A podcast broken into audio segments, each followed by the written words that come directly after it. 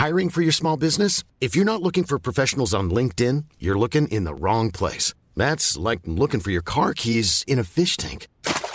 LinkedIn helps you hire professionals you can't find anywhere else, even those who aren't actively searching for a new job but might be open to the perfect role. In a given month, over 70% of LinkedIn users don't even visit other leading job sites. So start looking in the right place. With LinkedIn, you can hire professionals like a professional. Post your free job on linkedin.com slash people today.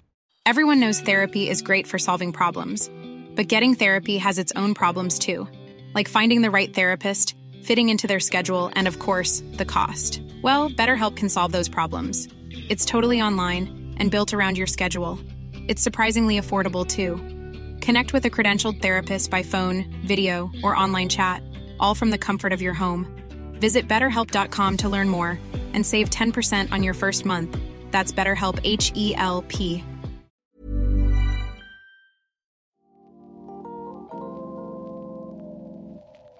Veckans samtal är med Pontus Bergendahl, aktiv i Extinction Rebellion och tidigare riksdagskandidat för Klimatalliansen.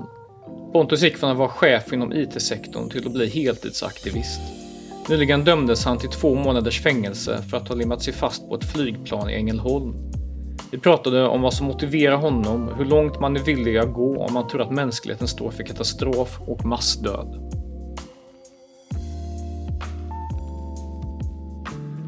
Pontus, du, du är aktiv i organisationen Extinction Rebellion. Eh, berätta, hur, hur hamnade du där? 2018 så eh, eh, såg jag skogsbränderna i Sverige och eh, sen hörde jag Greta tala. Och det fick mig att vända från att se att klimatfrågan var ett allvarligt hot som någon annan skulle hantera till att det var högst eh, angeläget för mig och min familj. Och det blev liksom en, som en, eh, en game changer kan man säga. Och sen eh, då gick jag med i Fridays for Future och var där och demonstrerade. Och jag upptäckte ganska snabbt att det funkar inte. Eh, politikerna gick ut bakvägen och eh, de brydde sig inte om det. Och sen blev jag faktiskt stoppad, jag och min fru, eh, när vi var i eh, julhandlare i Malmö så blev vi stoppade i Extinction Rebellions första aktion i en blockad. Mm. Och då... Stoppade hur då? Menar? De, de blockerade trafiken och vi satt i bilen. Ja. Och då tänkte jag, eh, jag och min fru tittade på varandra och sa att vi borde egentligen varit där ute. Och sen sökte vi upp dem och sen så, sen gick det ganska snabbt. Eh, eh, sen att jag var med på deras första aktion och, eh, och jag, jag har demonstrerat väldigt, väldigt sällan i mitt liv och inte varit politiskt aktiv. Men jag kände en gemenskap där och helt plötsligt så var jag nere i eh, Berlin och låg fastlåst i ett fastlåsningsrör på, i eh, Tiergarten i den stora rondellen där. Så det, det, gick väldigt snabbt. Eh, för att som jag förstår det så eh, du, du hade liksom ett, ett, ett chefsjobb och yrkesarbetande och, och, det är inte bara det att du är aktiv på, på fritiden utan det här är vad du gör nu. Ja. Och därigenom så, så, så lever familjen liksom på, på en lön och så det är det här du gör. Och även, eh, och även två av dina barn Precis. av tre förstår jag också är aktiva. Så ja. hur, liksom, eh, att, att det är ändå en uppoffring liksom. Eh, ekonomiskt Exakt. när det kommer till, till, eh, till, till levnadsstandard säkert. Hur, hur, liksom, hur, hur, hur gick tankegången till? Först kan jag säga att det är väldigt skönt att vi gick in i aktivismen samtidigt. Jag och mina döttrar. Och det, det är väldigt bra för det, har, det ger en balans i familjen att det är inte någon som pushar någon annan utan vi, vi gör det tillsammans. Och de, de har också varit gripna och dömda i domstol och, och så. Eh, men eh, eh jag sa upp mig för nästan två år sedan från mitt jobb och eh, det var väl egentligen att jag jobbade väldigt, väldigt mycket med aktivismen på, på fritiden och eh, insåg att det var inte hållbart. Så att jag eh, var tvungen att göra ett val, antingen eh, trappa ner aktivismen eller lägga ner den och fokusera på jobbet. Och, och det, det, var till och med så illa så att mina, eh, mina anställda i mitt team gick upp till mig och sa Pontus, du, du klarar inte av att sköta jobbet längre. Och eh, jag bara erkände att jag kunde inte göra det, jag kunde inte fokusera och kunde inte jag kunde inte hantera jobbet. Så fysiskt var det. Och då då bestämde vi i familjen att jag skulle säga upp mig. Och eh, Ja, nu lever vi på min frus lön och på besparingar och ehm, eh, Ja, det, det är en ekonomisk uppoffring och det är en, det är en större ekonomisk osäkerhet framförallt med eh, både att vi tar på våra besparingar och att eh, ja, pensionen försvinner och alltihopa.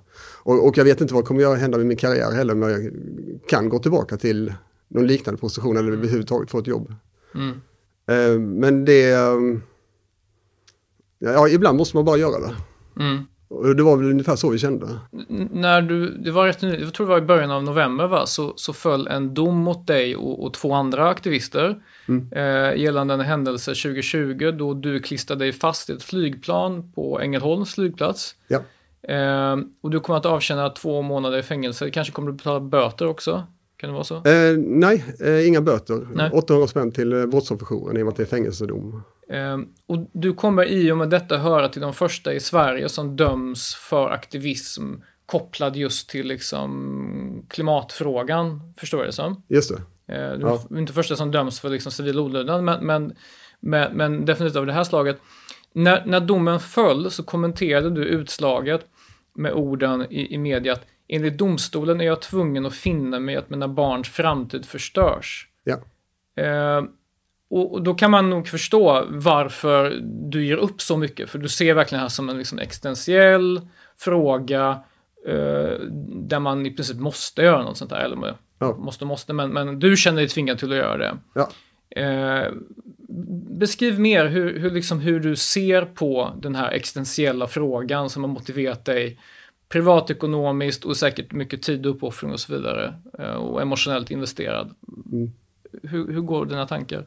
Eh, jag läser ju forskningsrapporterna och det är, det, det är inte uh, rocket science att se vad vi är på väg. Utan det är, och katastrofen är redan över oss. Det dör liksom miljoner människor redan i världen på grund av klimatförändringar. Och, uh, i, I samband med, med vilka sorts händelser? Och... Ja, framförallt svält och torka. Det är det värsta. Och det, det är ju det som jag är nästan mest rädd för, är att eh, den globala livsmedelsförsörjningen kommer att haverera. Och det, Joe Biden fick en rapport från Director of National Security när han tillträdde. Som det stod att det troligtvis kommer att den globala matleveransen haverera inom de närmaste decennierna. Och det vi såg denna sommaren så har vi, det är första gången jag kan minnas i alla fall att vi har haft eh, global torka på alla bebodda kontinenter. Alltså i Mellanvästern, Afrika är det flera svältkatastrofer. I Europa så har vi 50 är drabbat av torka. Indien är skördarna förstörda på grund av den här värmeböljan. Pakistan har vi några stora översvämningar som förstör fälten. Och i Kina så har vi en av de värsta eh, torkarna i, i någonsin. Och, och, det gör mig alltså fruktansvärt eh, livrädd. Och jag, jag kan inte se någonting annat än att vi har en eh, eh accelererande katastrof mm. som kommer att eh, slå undan eh, grunden för de civiliserade samhällena. Mm. Hur, hur ser du på att exempelvis Eh, även om det har varit en dipp nu i och, med, i och med corona och pandemin så är ju minskningen av fattigdom i världen eh, har ju i princip, det är ju liksom en, en, en, kurva rakt ner, alltså andel människor som lever under en dollar om dagen. Eh, matproduktionen har ju egentligen aldrig varit så, vi har aldrig producerat så mycket mat som vi gör just nu. Precis. Eh, och vi har heller aldrig varit så, eh, haft så högproduktivt jordbruk som vi har nu, det vill säga vi får ut ja. mer av mindre och så vidare. Exakt. Och det här har ju egentligen varit en utveckling sedan liksom början av 1900-talet med några få eh, få avbrott. Och, och, även om vi, vi säkerligen kan drabbas av, av eh, enorma problem som en konsekvens av eh, klimatförändringar så, så, tycks ju ändå liksom andelen människor i världen som svälter och så vidare är ju mindre nu än för 50 år sedan. Du tror inte att det finns liksom en, så att säga, de tar ut varandra eller tror du att katastrofen är så illa att det spelar ingen roll hur produktiva vi är? Eh, ja, jag, jag, tror att eh, klimatkatastrofen kommer att sluta alla de här kurvorna. Och jag har ju läst Hans Roslings eh, eh forskning och sett eh, alla hans siffror och jag var väldigt positivt berörd av det. Och mycket av det stämmer, men om, man, om man tittar på vad forskarna säger med de förändringarna som vi ser så, så, så är det liksom en helt annan dimension. De, de handlingar som, som, eh, som du utför som en del av din aktivism är ju kopplade, just det här fallet då, då, då du dömdes, det handlade ju om eh, privatflyg då. Eh, och, och, och, det liknar ju rätt många av de här eh, andra, andra formerna av civil olydnad. Just nu så är exempelvis de här aktionerna liksom, där man uppmärksammar klimatfrågan på typ konstmuseer är ju rätt uppmärksammade. Men även om man blockerar trafik och så vidare.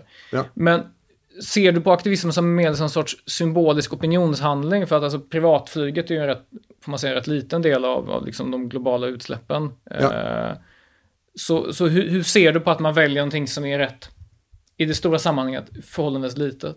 I vår aktivism så, eh, eh, så bygger vi upp en motståndsrörelse just nu mot det destruktiva samhället. Och eh, våra aktioner går egentligen ut på att mobilisera, det är det primära syftet, för att få ut så mycket folk som möjligt på gatorna eller för att göra andra typer av aktioner. Och eh, det gör vi genom att göra spektakulära aktioner i eh, folks vardag. Så att, så att eh, folk blir omskakade och tar krisen på allvar kan vi säga. Tror du de gör det? Ja, absolut. Jag har varit på massa aktioner där vi har stoppat bilar och folk efteråt har kommit fram till mig och liksom varit jätteoroliga för klimatet. Uh, och, och sen vet jag också att uh, vi är inte en popularitetstävling. Vi är inte ute efter att få folk att gilla oss. Utan uh, blir folk asförbannade och sen går till fikarummet på jobbet och säger att vet du vad som hände nu? Det var några idioter som stoppade mig på Essingeleden. Så blir det en diskussion i fikarummet. Och det är en annan typ av aktivism vi sysslar med jämfört med den här traditionella aktivismen när du åker ut till en oljeplattform eller en, eh, eh, ett eh, kolkraftverk och gör en blockad. För de blir oftast väldigt omtyckta. Men problemet med de aktionerna det är att de stannar där. Folk läser i tidningen. Som jag själv gjorde innan jag blev aktivist och såg Greenpeace aktioner och tänkte gud vad bra, det var precis vad som behövdes. Och sen bläddrade jag vidare och ändrade inte mitt liv överhuvudtaget. Du nämner alltså på något sätt att, att vända uppmärksamhet mot allt det destruktiva i samhället. Ja. Eh, liksom privatflyg, bilism, i stort sett allting i det moderna samhället är ju i någon mån eh, resurskrävande. Ja. Är i någon mån utsläppsdrivande, mer eller mindre liksom. Ja. Eh, det, det såklart finns mer eller mindre liksom utsläppsdrivande bilar såklart. Men i stort sett allting i det moderna samhället, allting som omger oss, by byggnaderna i synnerhet liksom. Byggindustrin är väl oändligt mycket större egentligen än vad privatflyget eller, eller privatbilismen är. Var, var går gränsen liksom? Vad är inte destruktivt i det här moderna samhället? Eller är det det moderna samhället per definition som är destruktivt? Ja, alltså merparten av det vi sysslar med, jag håller med om, det är destruktivt. Eh, å andra sidan så är det, det är ju en balans med att behålla samhället eh, fungerande och att undvika en total katastrof. Det är ju den knivsägen vi balanserar på. Och eh, i dagsläget, vår aktivism fokuserar på att få till en systemförändring, en, en radikal systemförändring. Och eh, hur den ser ut och hur stor den kommer bli, eh, eh det får vi se. Och jag, eh, jag jobbar förut med mjukvara och där använder vi agila metoder när du har komplexa system. Eh, och det, det, du gör då är att du tar upp en plan som är liksom grov, ungefär åt det här hållet ska vi. Och sen tar du inkrementellt och jobbar i små, små eh, sprintar som man kallar det för. Och jag tror det är precis så man måste lösa klimatkatastrofen. Att om vi tittar nu så händer det i princip ingenting. Vi missar alla våra klimatmål. Eh, och eh, vi har ju inte tagit något beslut som har varit en riktig uppoffring egentligen, utan vi, vi offrar framtiden på vår bekvämlighet. Så att alla du, du säger vi, du tänker på, på, på Sverige som land eller hela, liksom, hela civilisationen eller? Ja, både Sverige som land och civilisation. Sverige är ju ett av de sämre länderna i världen när det kommer till utsläpp. Eh, vi släpper ut 9 ton koldioxid per person ungefär och genomsnittet i världen är väl 4-5 någonting mm. sånt där. Så att det är klart vi måste göra jättemycket i Sverige. Aktivism av det här slag eh, ser du som något sorts liksom meningsfullt för att det, det, det, sätter uppmärksamhet, eh, uppmärksamheten på de här frågorna. Men är det verkligen tillräckligt? Alltså, eh, om nu i stort sett allting i det moderna samhället i någon mån är destruktivt liksom, eh, ur klimatperspektiv varför inte gå längre? Eller vad, vad, är, alltså väcka människors uppmärksamhet, det är folk som kommer fram till dig efteråt och säger det här var bra. Eh, och sen så åker de väl hem med sin bil eh, och, och, åker på semester senare och fortsätter leva som de gör. vad, va, vad får du att tro liksom att, att opinionsbildning är det optimala i sammanhanget? Jag tror den opinionsbildningen som, som vi står för det är att vara alarmister mm. och berätta att vi befinner oss i ett akut läge. Ja. Eh, och eh, det, om, man ser, om man nu ska liksom få fram några svar till mig vad vi borde göra. Eh, jag är med i Åställ våtmarker till exempel också. Och det, den har vi valt som ett mål, att återställa våtmarker. För det är det snabbaste, enklaste, billigaste sättet att få ner eh, koldioxidutsläppen i Sverige. Eh, utsläppen är ungefär i dimensionen stor, no, stor som hela privatbilismen. Och det kostar ett par hundra miljoner eh, om året att, att eh, få väck de här utsläppen. Och att inte ens regeringen klarar att ta det ansvaret när det är, är peanuts i en, i, en, i en budget. Det tyder på att vi inte ens börjat omställningen. Så att låt oss sätta igång med omställningen från, till att börja med. Jo, men, Sen kan jo, vi se vad vägen men hamnar. Varför borde inte det här mana på en annan sorts aktivism som är betydligt mer handgriplig? Alltså om, om, om, om, om regeringen inte gör tillräckligt, om folk fortfarande alltjämt är passiva och andelen aktivister som en andel av befolkningen är ju väldigt, väldigt, väldigt låg mm. och säkert ännu lägre av det, av det slag som, som, som du tillhör, det vill säga personer som verkligen har liksom, ja, försakat andra saker i livet för att ägna sig åt det här väldigt mycket mer. Ja. Är det då verkligen tillräckligt att uppmärksamma. Det, det... Jag vet inte om det här kommer funka. Det enda jag vet är att alla andra metoder vi har testat har inte funkat. Vi har vetat om klimatkrisen i 50 år. Ja. Och eh, vi har kört den politiska vägen. Miljöpartiet har funnits i 40-50 år. Har inte kommit någonstans. De harvar runt 5% hela tiden. Och har inte politik nog för att kunna driva en, en omställning som behövs. Och vi har gjort namninsamlingar, vi har demonstrerat, ingenting fungerar det här är i alla fall en metod som jag tror har möjlighet att få till en förändring. Och vi ser ju historiskt på det också att eh, många gånger har civil olydnad fungerat som en katalysator i samhället för att få igång eh, snabba drastiska förändringar.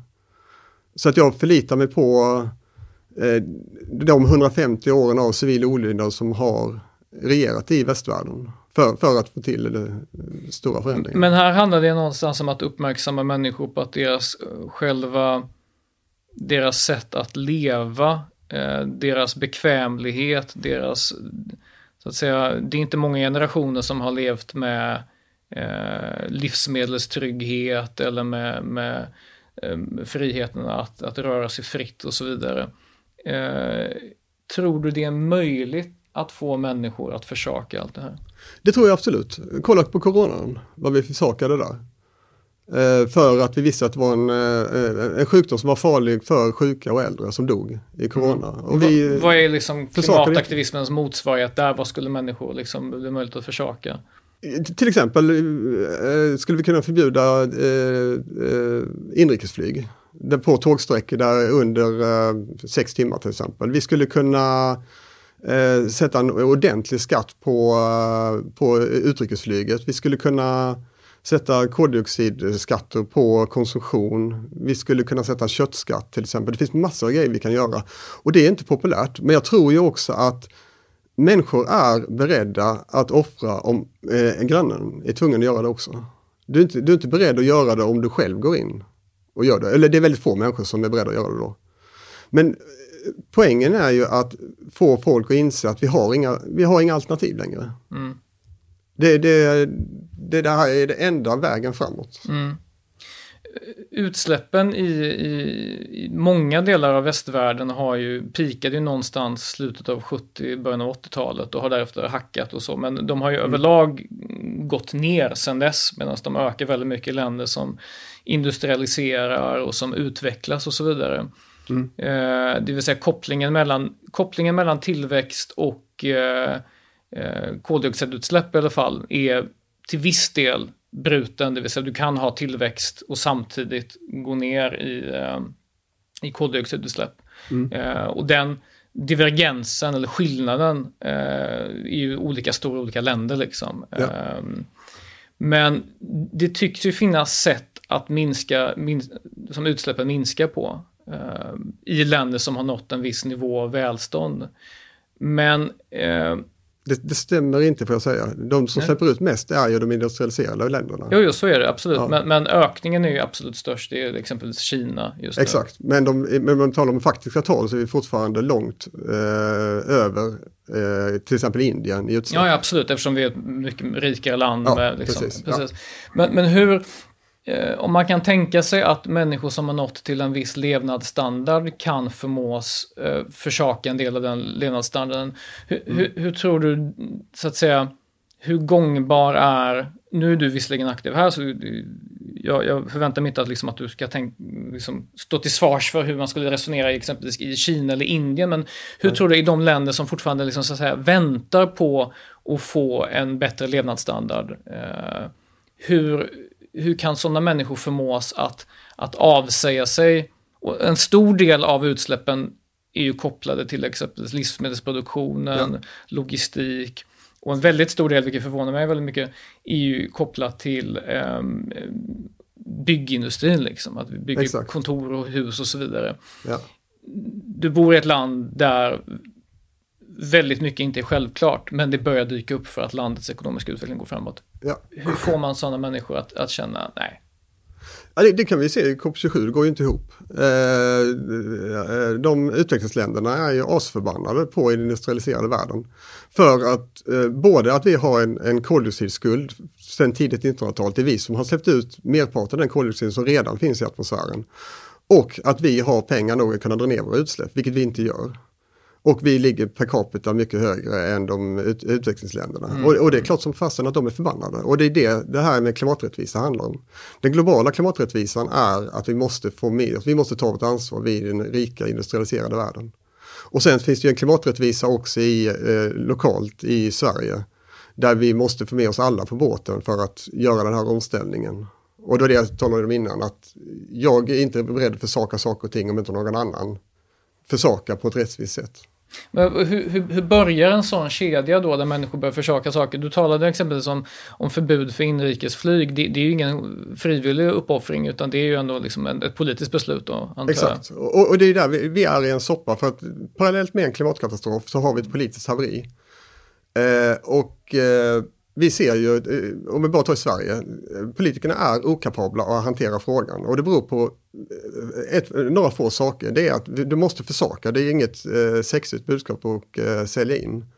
Och sen handlar det om att eh, klimatkatastrofen är fördröjd. Så de utsläppen vi har idag, oavsett om vi stoppar utsläppen idag, så kommer vi trilla upp på typ två grader. Mm. Och så de, de katastrofala, riktigt katastrofala eh, konsekvenserna av de utsläppen vi gör idag kommer de närmaste decennierna. Och det är väldigt, väldigt svårt att hantera politiskt. Mm.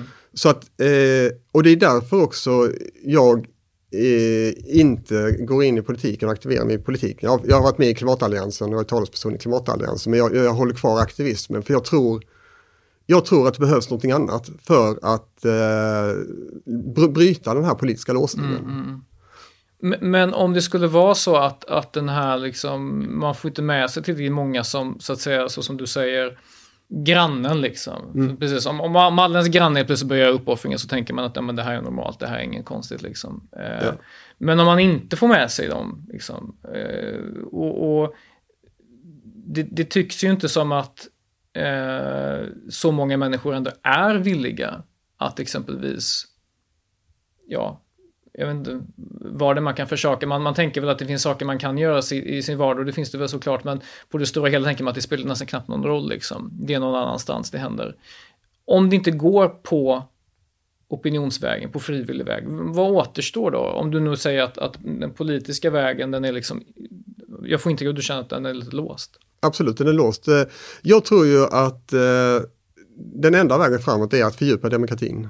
Vad menar du med det? Eh, jag tror och förespråkar att vi ska införa medborgarråd.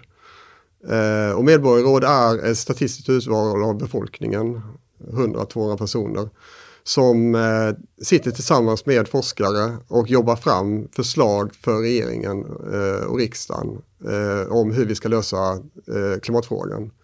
Och det, det, det, har använts i princip alla länder i Europa förutom Sverige. Vi är det enda landet vad jag vet som inte har provat medborgarråd.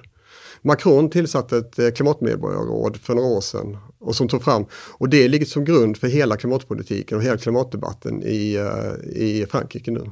Ja, har det gett utdelning i deras utsläppsminskningar? Eller? Absolut. Det är till exempel därför som de har förbjudit privatflyg som konkurrerar med snabbtågen i, i, i Frankrike. Mm. Vilket var ett väldigt radikalt förslag som inte hade kunnat tas från, från den politiska sidan. Det, det, är ett exempel. Ett annat exempel är, jag tror ju att vi, har en, en eh, Myndigheten för samhällsskydd beredskap. Till exempel, jag har ringt runt till massa myndigheter och frågat vem är det som har ansvar för klimatkatastrofen vi står inför. Och då tycker man att de, de har ju en krisinformation. Och då tycker mm. man exempelvis att de krisinformation bör kunna hantera klimatkrisen. Mm. Men det inte, ligger inte på deras bord. Och ingen myndighet har eh, som uppgift att informera medborgarna vilken fruktansvärd katastrof vi står inför. Och det är klart vi måste ut med en utbildningskampanj till, till svenska folket och berätta hur, hur läget är.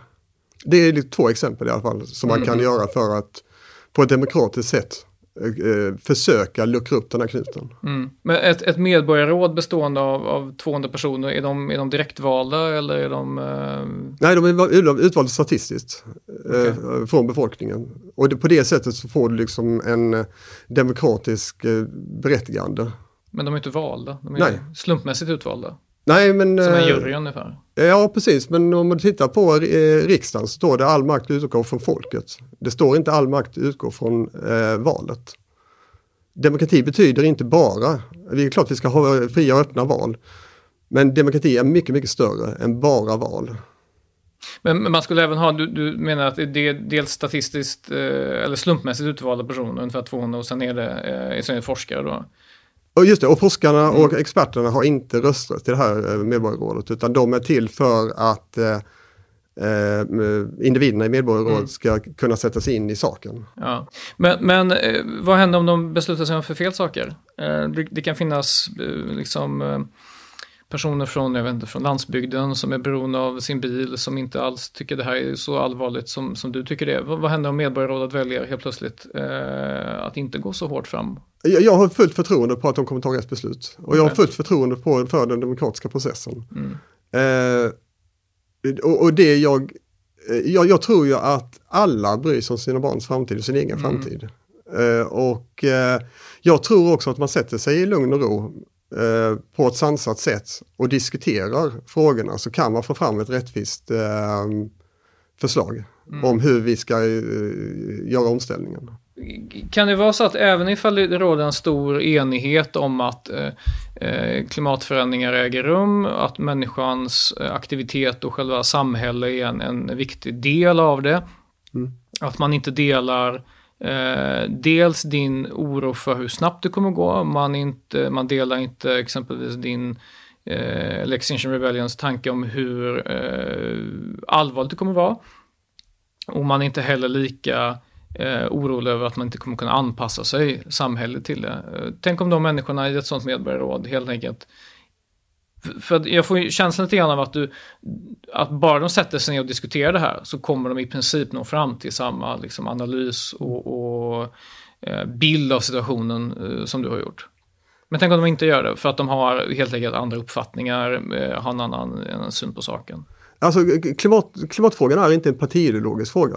Eh, det är en vetenskaplig, naturvetenskaplig fråga. Det ja, handlar... absolut, men, men, det här är ju människor som i olika grad eh, känner till liksom, forskningsrönen på det här området, de kan ha olika ja. synpunkter på det och så vidare. Alltså, eh, de kommer ju kanske landa i olika sätt att se på det här.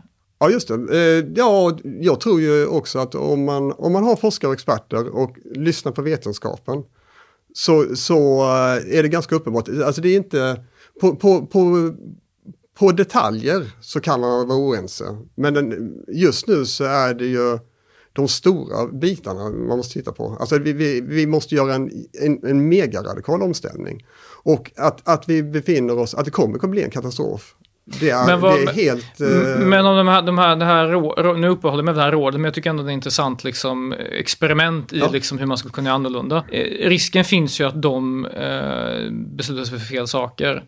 Mm. Och att eh, vore det inte bättre att bara ha forskarna i det här rådet? Eh, eftersom de har den mest eh, vad ska man säga, eh, direkta eh, kunskapen om eh, forskningsfältet och då komma fram till det som du tror är så att säga, den objektiva sanningen här? Nej, jag tror du måste förankra det i, i vanliga människor, för du måste, det är ändå de som berörs av de här besluten. Men om de förkastar det här, alltså frågar man väljare idag, vilka är de viktigaste frågorna? Får mm. ranka, prioritera liksom. Det görs ju, det Demoskop gör sådana mätningar. Mm. Så är klimat inte överst liksom. Klimat är inte på ens på uh, topp tre. Nej, liksom. och, och, det, och finns inte risken att ifall man har ett sånt här råd att det här kommer inte alls vara så, uh, så centralt. De kommer inte komma fram till det du tänker att de borde komma fram till. Ja, jag, jag, för det första vill jag säga att jag, jag vill inte sitta framme med någon sanning utan eh, vad de kommer överens eh, om, jag har full respekt för att det är rätt och jag, och jag kan ha fel också. Så att eh, jag sätter min, min tillit till den demokratiska processen och jag tror ju också att om vi tittar på de medborgare vi haft som har haft med klimatet att göra så har det kommit fram väldigt radikala förslag. Och det tror jag beror också på att i Sverige så är det många som tror att vi är en klimatkris. Alltså en, eh, det, det, de är lite oroliga för klimatet. Men de har inte insett hur, hur extremt akut det är. Och hur illa det kommer bli.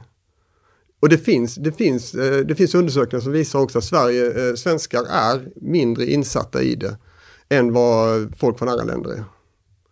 Så att det är en, ett kunskapsproblem i den svenska befolkningen.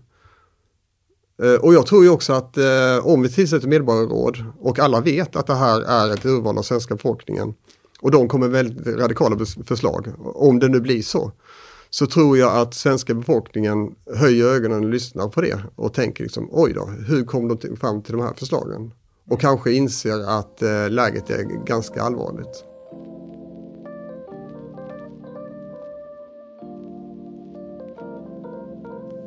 Tror du att, eh, att det demokratiska systemet inte klarar av att hantera den här sortens frågor som har liksom, där, där tidsspannet är så pass, så pass långt liksom. Eh, för att vi, vi kan ju sitta här och, och teoretiskt eller på något sätt, eh, mm. om vi abstraherar frågan så kan vi tänka att det, det finns en i framtiden, kanske väldigt nära, eh, allvarliga problem för, för sådant som, som matförsörjning eller liksom, eh, biosfär och så vidare. Men, mm. Men eftersom vi inte ser det här och nu eh, så förmår inte det demokratiska systemet hantera det för att vi har mm. mer eh, akuta grejer. Eh, Riksbanken drar upp styrräntan och bolånefrågan eller det är liksom låga skolresultat eller segregation eller vad det nu må vara liksom eller yeah. krig i närområdet. Alltså, det finns massor mm. sådana saker. I, är själva... Jag, jag, jag säger inte här implicit att liksom ett, en, en diktatur nödvändigtvis är bättre på att hantera de här frågorna, men är inte, det finns ett problem med det demokratiska systemet ja. i sig? Det, det, det, demokratiska systemet är väldigt dåligt på att hantera klimatfrågan som ligger mm. längre fram i tiden. Och, och det, när vi börjar agera, eller när, om vi börjar agera när vi ser de allvarliga konsekvenserna, då är det för sent. Så, så det är ju ett jätteproblem. Men demokratin har ju haft problem förut. Vi har till exempel haft problem eh, på 50-60-talet i eh, amerikanska södern. Där det var en majoritet som förtryckte en minoritet. Och majoritetsröstning gjorde att de aldrig fick eh, fram medborgarrättslagar. Och det var också ett politiskt haveri kan man säga. Mm. Som, som löstes med metoder som var utan, utanför eh, parlamentet.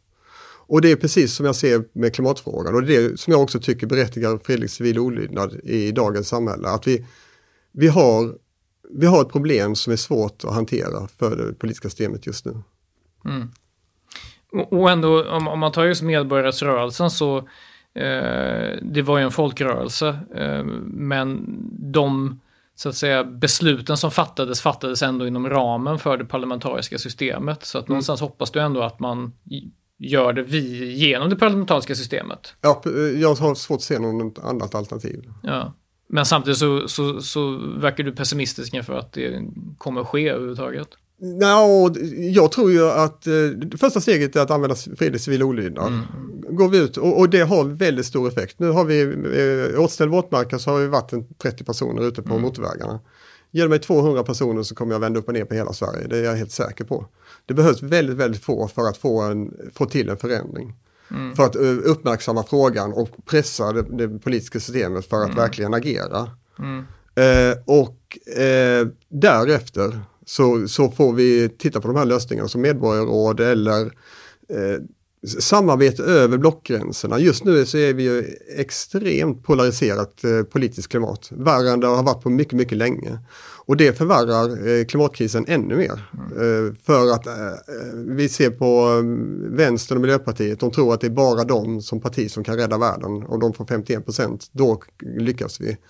Och så ser vi på den eh, högerkonservativa sidan där de tycker att eh, klimatfrågorna är en vänsterfråga och skjuter ner alla förslag och eh, avmonterar hela klimatpolitiken. Eh, så det är ju det, det, är ett extremt ogynnsamt läge just nu med, mm. eh, i, i, eh, i, Sverige mm. när det handlar om klimatpolitiken. Mm. Ett annat perspektiv på, på just den här strävan efter att få, eh, få upp de här frågorna på dagordningen liksom och, och få ett annat innehåll i politiken är ju att den sortens aktivism som, som, som du ägnar dig åt i själva verket får liksom en motsatt effekt.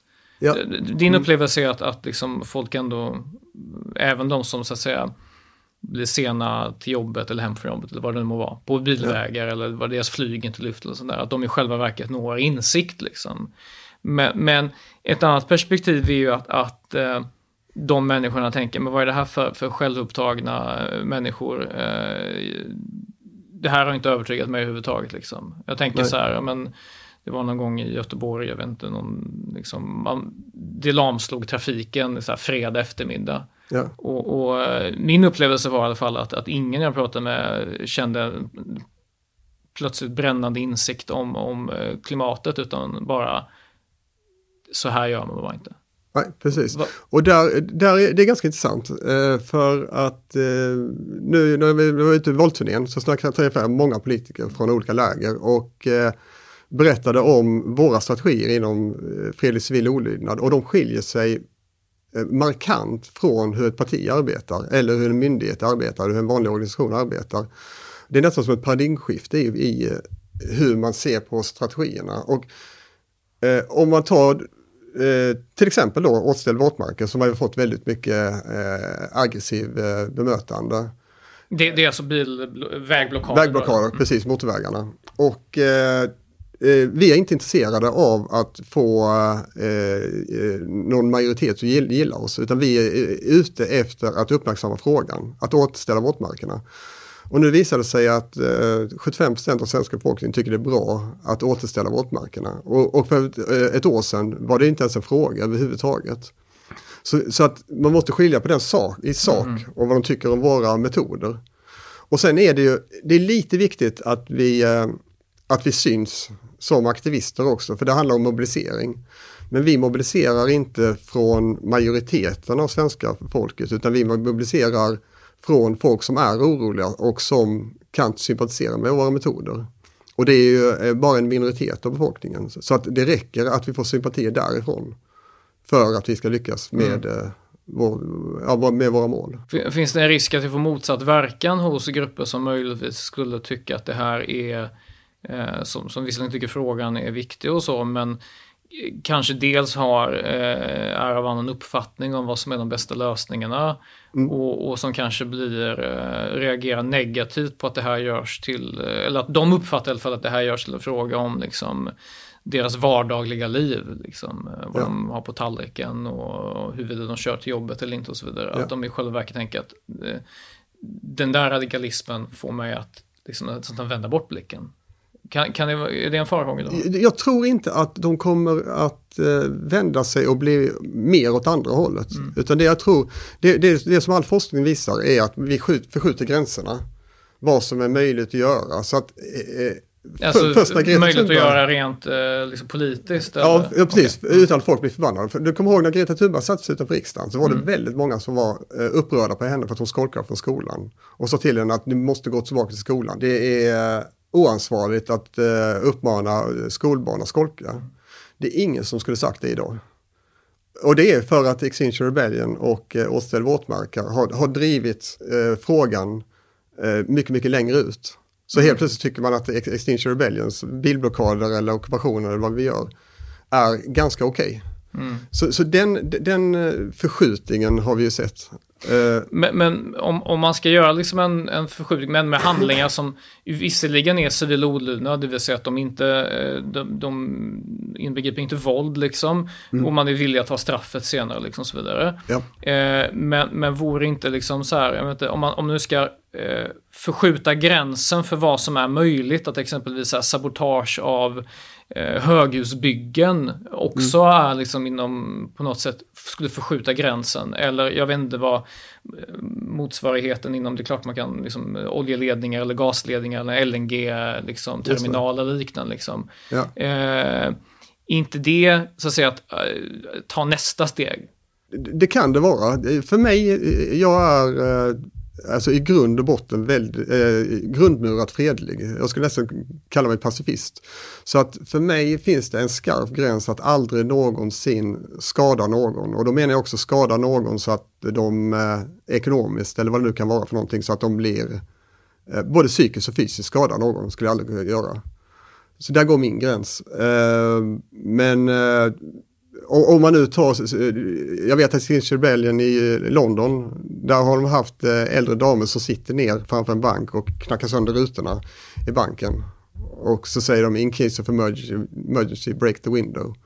Och den typ av skadegörelse eh, skulle vara möjligt att se i, i, i framtida klimataktivism, skulle jag kunna tänka mig. Mm. Men om man exempelvis sätter sig på en väg och ja, men det rätt många blockeras. Eh, eh, varutransporter kommer inte fram, människor som på väg till eller från jobb, träning, vad det nu må vara, förskola, skola. Mm. Eh, skadan är ju inte massiv liksom, men, men det finns ju ändå liksom en, en högst närvarande eh, kostnad för de som är involverade. Ja, precis. Och så är det, och det är ingenting eh, som vi fokuserar på, utan det som vi gör, fokuserar på det är att skaka om folk. Vi måste vara i deras ansikte. Ja, omskakade är, är de garanterat liksom. Ja, och då har vi lyckats. Och då måste man, sitter man där i bilen, mm. då tvingar man, tvingas man till att ta ställning. Man, måste, man tittar ut på de aktivisterna och så ställer man sig frågan, gillar jag det här eller gillar jag det inte? Den, den frågan är du tvungen till att ställa dig när du blir berörd av våra aktioner.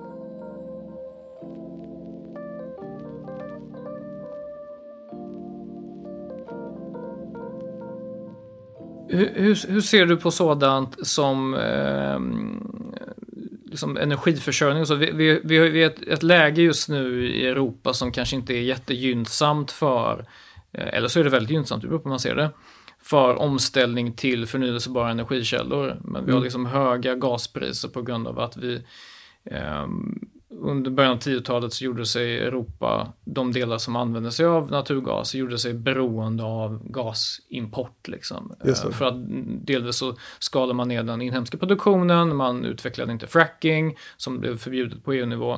Mm. Eh, vilket gjorde att många var rätt nöjda från liksom, miljörörelsen i Europa, för att då hade man det inte här, men istället så fuskar man så att säga bakvägen. Ja. Och nu har vi kriget som gör att helt plötsligt så, så drivs priserna upp för att man måste ta in det via liksom sjövägen och så vidare. Mm.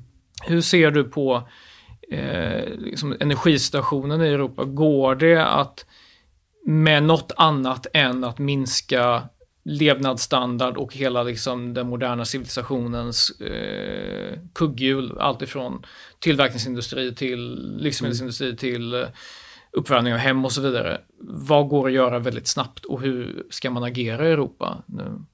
Jag, jag tror du måste göra en mängd av olika åtgärder. Och eh, jag tror till exempel det är bra att driva vidare de kärnkraftverken vi har. För det är en akut kris vi befinner oss i. Vi måste få ner utsläppen nu, inte 2030, 2045, utan det är nu vi måste minska. Mm. Så att, eh, att, att, behålla kärnkraft är en sak, det ja. kanske man bör göra. Ja. Men typ bygga nytt det kanske tar för lång tid. Precis, det, och jag har inget mot kärnkraft i, i princip för att eh, de, de, de konsekvenser vi ser i klimatkatastrofen är ändå mycket, mycket större än en härdsmälta. Så att eh, jag, jag, jag är egal när det handlar om kärnkraft. Men eh, det är för långsamt, alldeles för långsamt. Och jag tror ju också, när jag tänker på din fråga, att eh, vi kommer inte att eh, klara omställningen utan nedväxt utan att vi offrar, alltså sänker temperaturen inomhus och eh, konsumera mindre och göra, av, göra oss av med mindre resurser. Konsumera mindre av vilka sorts konsumtionsvaror tror du? Ja, alla möjliga saker. Ja, transporter till exempel. Vi kan inte flyga på det sättet som vi gör idag. Vi kan inte ha sån eh, bilism som vi har idag. Vi måste åka kollektivt, vi måste åka tåg. Eh, och, vi, och privatkonsumtionen måste ner. Vi kan inte hålla på och bygga pooler och eh, ha den lyxkonsumtionen vi har. Och flera stycken eh, fritidshus och liknande. Det, det går inte. Och det, det, det, tror jag i princip alla är överens om.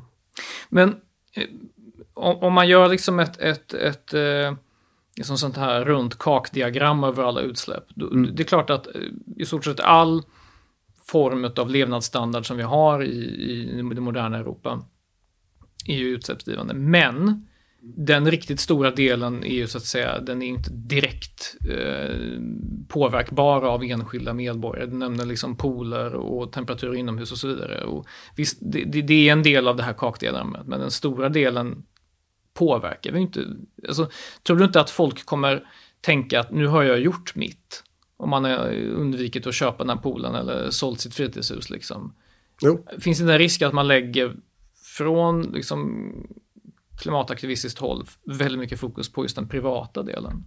Så är det och, och eh, vi har i Extinction Rebellion har vi en princip att aldrig skam eller skuldbelägga enskilda individer. Och det är en viktig princip för att du vet aldrig vilken situation en, en specifik individ befinner sig i. Om de eh, måste flyga ner till eh, ja, Australien för att besöka släktingen och liknande. Eh, däremot så, om man ser på det statistiskt så måste vi alla försaka saker och ting. Så är det.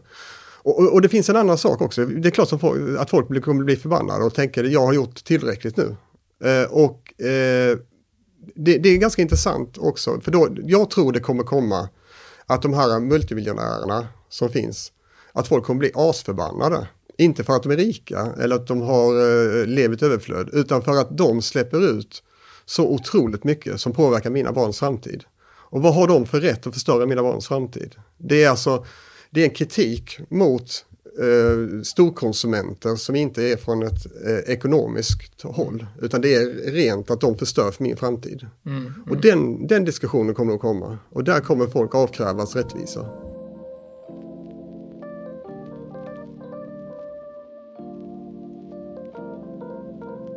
Vi berörde det lite grann tidigare när jag frågade om hur man ska göra för att, att uh, förmå människor i länder som fortfarande håller på att utveckla en stor medelklass. Mm. Då, då, rundade du den frågan lite grann tror jag genom att säga att ja, men den stora skulden kommer från liksom, väst eller väldigt rika industrialiserade länder. Ja. Uh, men, men även personer i, i, i västländer som, som inte har fått ta del av allt välstånd och rikedom uh, hur, hur förmår de att, att, att känna att det här är värt att offra liksom, eventuellt, ja. eventuellt framtida välstånd? Ja visst, och det, är, och det är en jättesvår fråga. Bara, mm. bara som en liten detalj, så jag träffar ungdomar nu som inte har varit ute och rest runt omkring i jorden. Jag har ju rest ganska mycket med, med flyg. Jag har rest till eh, Asien och till USA och, och, haft allt det här. Så det är ganska lätt för mig att sluta flyga. Och jag, jag skulle ju unna dem att ha de resorna också. Men de kan inte göra det. Och så orättvist är tyvärr livet. Och jag tycker att man måste ha fokus på vad alternativet är. Mm. Det, finns, det finns inget annat, alternativ än att vi måste skära ner. Och det kommer, det kommer bli orättvist för, för vissa, men vi kan göra det så rättvist vi någonsin kan göra. Försöka göra det så rättvist som vi kan. Pontus, tack så mycket för det här samtalet. Ja, tack så mycket.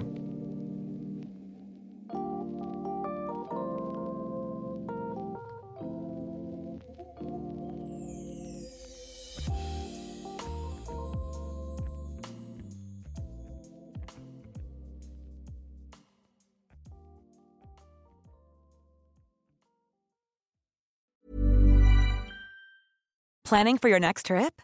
Elevate your travel style with Quince. Quince has all the jet setting essentials you'll want for your next getaway, like European linen, premium luggage options, buttery soft Italian leather bags, and so much more. And is all priced at 50 to 80% less than similar brands. Plus, Quince only works with factories that use safe and ethical manufacturing practices. Pack your bags with high-quality essentials you'll be wearing for vacations to come with Quince. Go to quince.com slash pack for free shipping and 365-day returns.